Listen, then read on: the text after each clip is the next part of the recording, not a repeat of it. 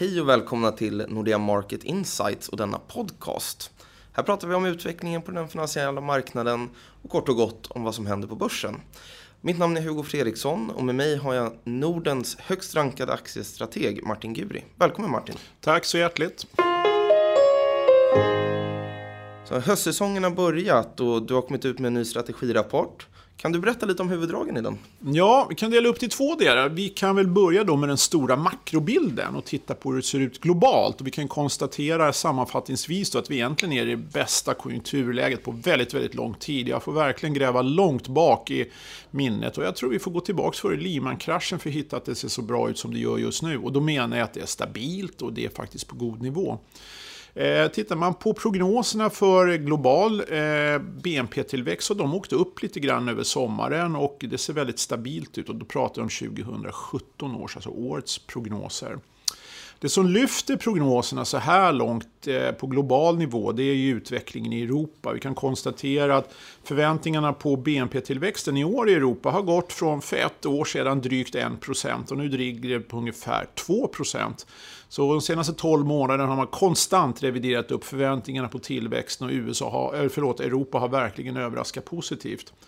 Vad jag också har noterat de senaste månaderna är att man börjar så att säga, lyfta förväntningarna även på 2018, alltså nästa års BNP-tillväxt. Och Europa, det är där det sker och vi är inne i ett väldigt starkt momentum. Så på aggregatet kan man konstatera då att Europa har eh, lyft prognoserna för globala eh, BNP-tillväxten. Samtidigt då som i USA händer inte speciellt mycket.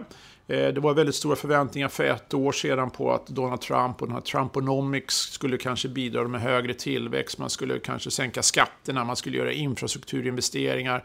Det här i sin tur skulle leda till mera jobb, kanske mer inflation och en starkare dollar. Och vi kan säga som så, så här långt har det ju verkligen varit precis tvärtom.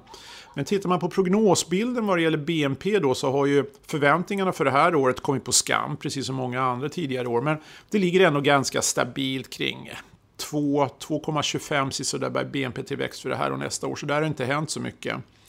Den eh, tredje stora poolen i världen, då Kina, där kommer det positiva signaler.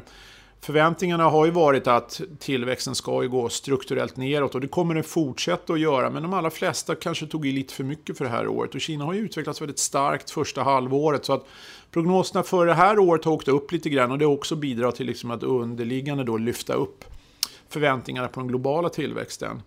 Går vi mer lokalt och tittar i Sverige så är det ju fortfarande fantastiskt god konjunktur hur man än vrider och vänder på det här. Det är bara att öppna tidningen och konstatera att det är, boomar ju faktiskt. Och framförallt arbetsmarknaden är det som lyfter det här. Så det ser väldigt bra ut. Så vad det gäller det underliggande BNP som sagt var ekonomisk tillväxt. Det har inte sett så här bra ut på väldigt, väldigt många år. Och det är glädjande och det som drar som sagt var det här det är Europa. Byter man ämne lite grann och tittar då på vinstprognoserna, som är det andra stora ämnet generellt sett, så har det varit lite mer blandad utveckling. Sverige är ju mycket valutakänsligt, eh, men tar man bort då effekten av den svagare dollarn eller kan man säga en starkare kronan så har det inte rört sig så väldigt mycket. Men det har varit tillräckligt för att ta ner vinstprognoserna de senaste månaderna i takt med att dollarn har stärkts. Eh, vinstprognoserna i Europa, tack vare en bra rapportsäsong, är dock upp lite grann. Och i USA så ligger de också ganska stilla, får man lov att säga, de senaste månaderna. Så grundbilden är alltjämt att tar man eh, vinstökningarna i år och nästa år så ligger det kring 9, 10, 11 procent både i USA och Sverige och Europa. Och i grund och botten så är det ganska starkt. Men rörelse har det varit som sagt på grund av valutamarknaden på senare tid. Ja, det har ju varit minst sagt stökigt på valutamarknaderna. Kan du berätta lite mer om vad som händer där? Ja, som jag ser det så måste man se valutarörelserna då från två håll. Och nu när jag pratar om europeiska euron då, så kan man egentligen dra ett likhetstecken med svenska kronan, för de där sitter fast i varandra kan man säga grovt överdrivet. Så i slutet av juni då hade då Europeiska centralbanken en stor konferens i Portugal i Sintra och olika centralbankschefer var ute och pratade lite grann om framtiden och alla kunde väl konstatera att det ser mycket bättre ut nu än vad det gjort på väldigt länge och behovet av doping är mindre. Svenska centralbanken var där och signalerade så, Europeiska centralbanken var där, Engelska centralbanken var där, kanadensiska centralbanken var där och alla så att säga indikerade om att nu är det väl dags att börja lägga om eh, riktningen här lite grann till mindre stimulativ, mindre doping. Och tolkningen av vad europeiska centralbankschefen sa, Mario Draghi, var väl ungefär det att ja, nästa steg härifrån det är väl då att Europa kommer dopa mindre och då borde euron stärkas. Och då började faktiskt euron stärkas rätt rejält. Den hade stärkts en längre tid innan men nu började man närma sig nivåer som var rent tekniskt ganska känsliga. Och de här tekniska nivåerna, det man brukar prata om 1,15 mot dollarn. Samtidigt om man tittar på det från amerikanskt perspektiv så eh, var det en ganska knepig situation då för att inflationen i USA har legat, kärninflationen då, över 2% i flera månader och eh, amerikanska centralbankerna uttryckte som så att nu kan man ju börja gå mot en normalisering. Och sen började då under juni och juli eh, inflationen sjunka av massa olika anledningar. Samtidigt då, till det får man då lägga att eh, det politiska livet i USA skördade ju inga framgångar. Vi läste ju mycket i media kring problemen med att riva upp Obamacare och det här var ju verkligen en av de här flaggskeppsbesluten som det republikanska partiet bara skulle driva igenom. Men man kom inte igenom. Man lyckades ju komma så långt att man kom till underhuset men så fastnade man i senaten, alltså överhuset. Och det har varit fullkomligt politiskt kaos. Och marknaden har ju som sagt var tolkat det att allting det man pratade om förra året som kanske då Trumponomics skulle kunna innebära, det har skjutits långt, långt bort och chanserna för att det överhuvudtaget ska bli någonting tillskrivs som ganska små. Så den drivkraften som bidrog till att förstärka dollarn under förra hösten har ju mer eller mindre totalt försvunnit ur marknaden. Så valutarörelsen blev så att säga från två sidor. Dels starkare Europa, lite mera hökaktiga tongångar och ett svagare USA och lite mer duvaktiga tongångar från amerikanska centralbanken. Så på det hela taget då ledde det hela den här ekvationen till att euron stärktes rätt rejält och då gick man igenom den här tekniska nivån som jag nämnde då på 1,15 och då gick det om så många stopplossar och det rörde sig väldigt mycket. Och vi är fortfarande på den stigen faktiskt, att eh, vi ligger en bra bit över. Idag talande stund så ligger vi på 1,19 och det är väl 1,20 som är nästa läge. Sådär. Så vad, vad, tror du kommer hända med valutorna de kommande månaderna? Ja, jag ser det som eh, mest troligt faktiskt att dollarn kommer stärkas. Det är massa om och kanske. Det är klart att det kan bli mycket bråk i USA på den politiska sidan. Det kan bli bråk kring höjningar av skuldtaket och sådär. Men vi utgår ifrån att det löser sig det som är riktigt stort och fundamentalt viktigt här det är ju det att amerikanska centralbanken förväntas börja minska sin balansräkning. Hittills har man ju gjort så att de obligationerna som de äger förfaller. Så har man tagit de pengarna och köpt nya obligationer så man har haft en ganska konstant bunt med obligationer i kassavalvet. Nu förväntar man sig att man inte ska köpa nya utan det här kommer komma ut på marknaden så att eh, Fed ska då egentligen banta balansräkningen. Det där rent matematiskt brukar då betyda att eh, över tiden då en viss valutaförstärkning. Eh, rent monetärt så blir det så när man börjar räkna på saker och ting. Det kommer lite mindre pengar ut i systemet helt enkelt och utbud och efterfrågan rent akademiskt innebär då att dollarn ska stärkas. Den andra dimensionen i det här det är från europeisk synvinkel. Eh, det är ju så att tittar man vad som händer när en valuta stärks, då innebär ju faktiskt det att det man importerar blir ju billigare. Och euron har ju stärkts handelsviktat rätt rejält nu under det här året. Och I Europa blir det så att med det här oljepriset som vi har idag och med den valutaförstärkning som vi har, alltså euroförstärkning, så kommer inflationen gå ner rätt dramatiskt jämfört med vad man trodde bara för ett par, tre, fyra månader sedan. Ungefär en halv procentenhet. Men det här sker inte omedelbart utan det märks först nästa år och framförallt 2019 i statistiken.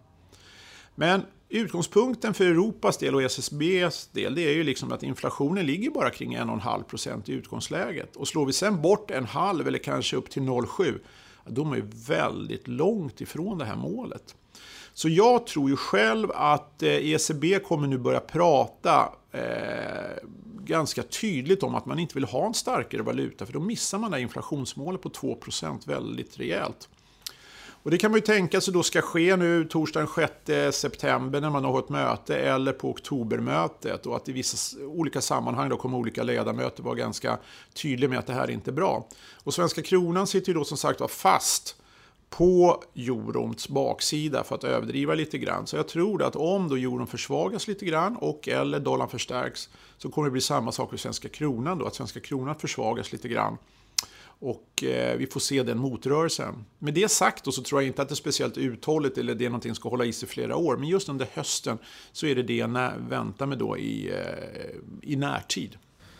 Det är en del motstridiga signaler på marknaden, inte bara på valutasidan utan även vad det gäller konjunkturen. Hur ser du på det? Ja, det är ju faktiskt så att vi är väl ett läge nu, om man ska vara ärlig, då, att jag tycker att konjunkturen börjar mogna. Vi är uppe på en väldigt hög nivå. Rent realistiskt sett så kan det väl inte bli så där värst mycket bättre. Och då finns ju alla de här ledande indikatorerna. De går ju egentligen ut på att man frågar företag ute i världen, eller människor då, tror att det blir lika sämre eller bättre jämfört med förra månaden? Och många har ju en väldigt lång tid sagt nu, eller en majoritet har sagt att det blir ju bättre.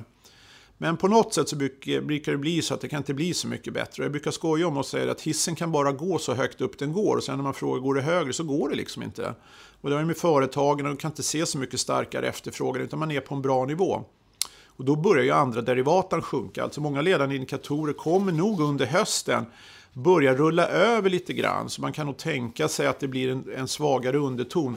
Och då vet ju också den finansiella marknaden liksom att okej, okay, det ser bra ut i år och det ser bra ut nästa år 2018. Men hur blir det då 2019? Och eh, jag har ju inget svar på det redan idag, men min bästa gissning är att när prognoserna för 2019 börjar komma ut under hösten här så tror jag de kommer peka på en liten lätt nedgång från 2018-nivåerna. Inte alls mycket, men utan att det mattas av. Och då är det klart, då är finansmarknaden mycket snabb och försöker analysera vad ger det där för konsekvenser. Och det är klart att har man då två år ut på tidskurvan inte någon sån här stark cyklisk medvind utan man vet att härifrån så börjar den att rulla över. Så det är klart att då blir man lite mer tveksam inställd.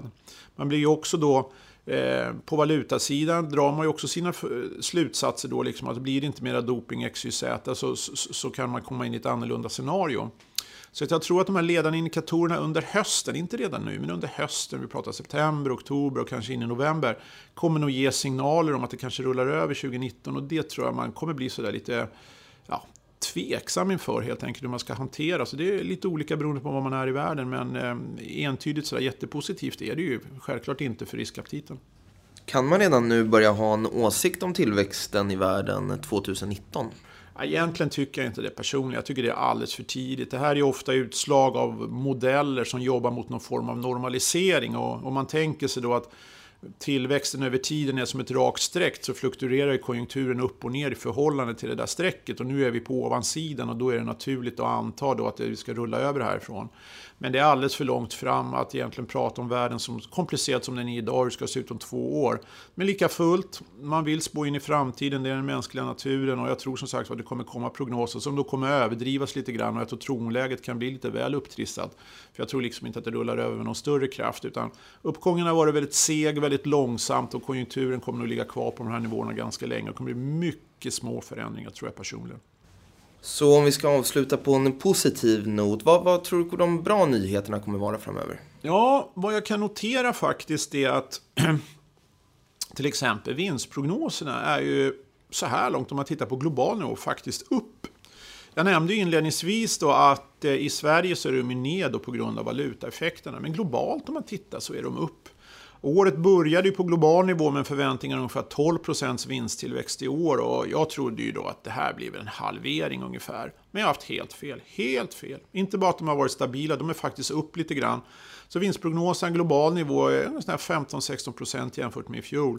Och tittar man in i prognosvärden då för nästa år, året efter, så ligger de omkring 9-10%. Så att om det bara räntorna håller sig där om Eh, Eh, är idag och det finns inga tecken på någonting annat så är väl bästa gissning då att ja, börsen bör väl ungefär gå som vinsterna om vi ska ha samma värdering om ett eller två år. Det pekar väldigt mycket i den riktningen. Så en god konjunktur ska resultera i bra vinster framöver. Så även om det kortsiktigt fladdrar som det alltid gör på börsen så är jag faktiskt inte dugg orolig för de underliggande vinsttillväxten. Och det är alltid det viktigaste för börsen.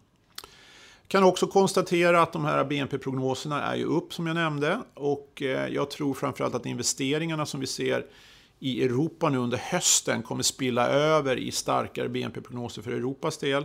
Och lite mera positiv syn på Kina också på marginalen kommer att bidra till att BNP-prognoserna för 2018 kommer att åka upp lite grann. Och eh, det tycker jag också är något positivt att ta, ta fasta på. Sen kan man alltid spekulera om 19 då, 2019, men det är mycket, mycket svårare. Men där tror jag de positiva nyheterna ligger, att vinster och tillväxt är underliggande, fundamentala, det ser riktigt bra ut och medvinden fortsätter. Så om vi tar och knyter ihop säcken och sammanfattar den stora och den lilla bilden, hur skulle det bli? Ja, jag skulle nog sammanfatta det som att eh, den stora bilden, att underliggande makro och vinsttillväxt fortsatt mycket bra så långt prognoserna räcker med större sannolikhet. Alltså det här året och 2018, inga nyheter där. Den lilla bilden, det är väl det att eh, svårigheter att prognostisera valutorna och vad det innebär. Samt att det kommer dyka upp en diskussion allt mer i marknaden om att det kanske blir en svagare konjunkturutveckling 2019 och att man redan nu ska börja bli försiktig. Och även om jag tycker att den diskussionen kommer att uppfattas som lite överdriven och lite väl tidig så kommer den vara där och det kan man inte huka för. Men nätt nätt så tycker jag ändå liksom att det underliggande är det som brukar vinna och eh, jag håller mig till fortsatt positiv grundsyn till börsen. Tack för sammanfattningen Guri och tack för att du delade med dig av din analys. Eh, om du vill veta mer om vad som händer på den finansiella marknaden hittar du fler analyser på nexus.nordea.com och våra podcast på nordeamarkets.com. Och kom ihåg att du kan prenumerera på våra podcasts så får du dem så snart det har publicerats. Tack för att du lyssnade.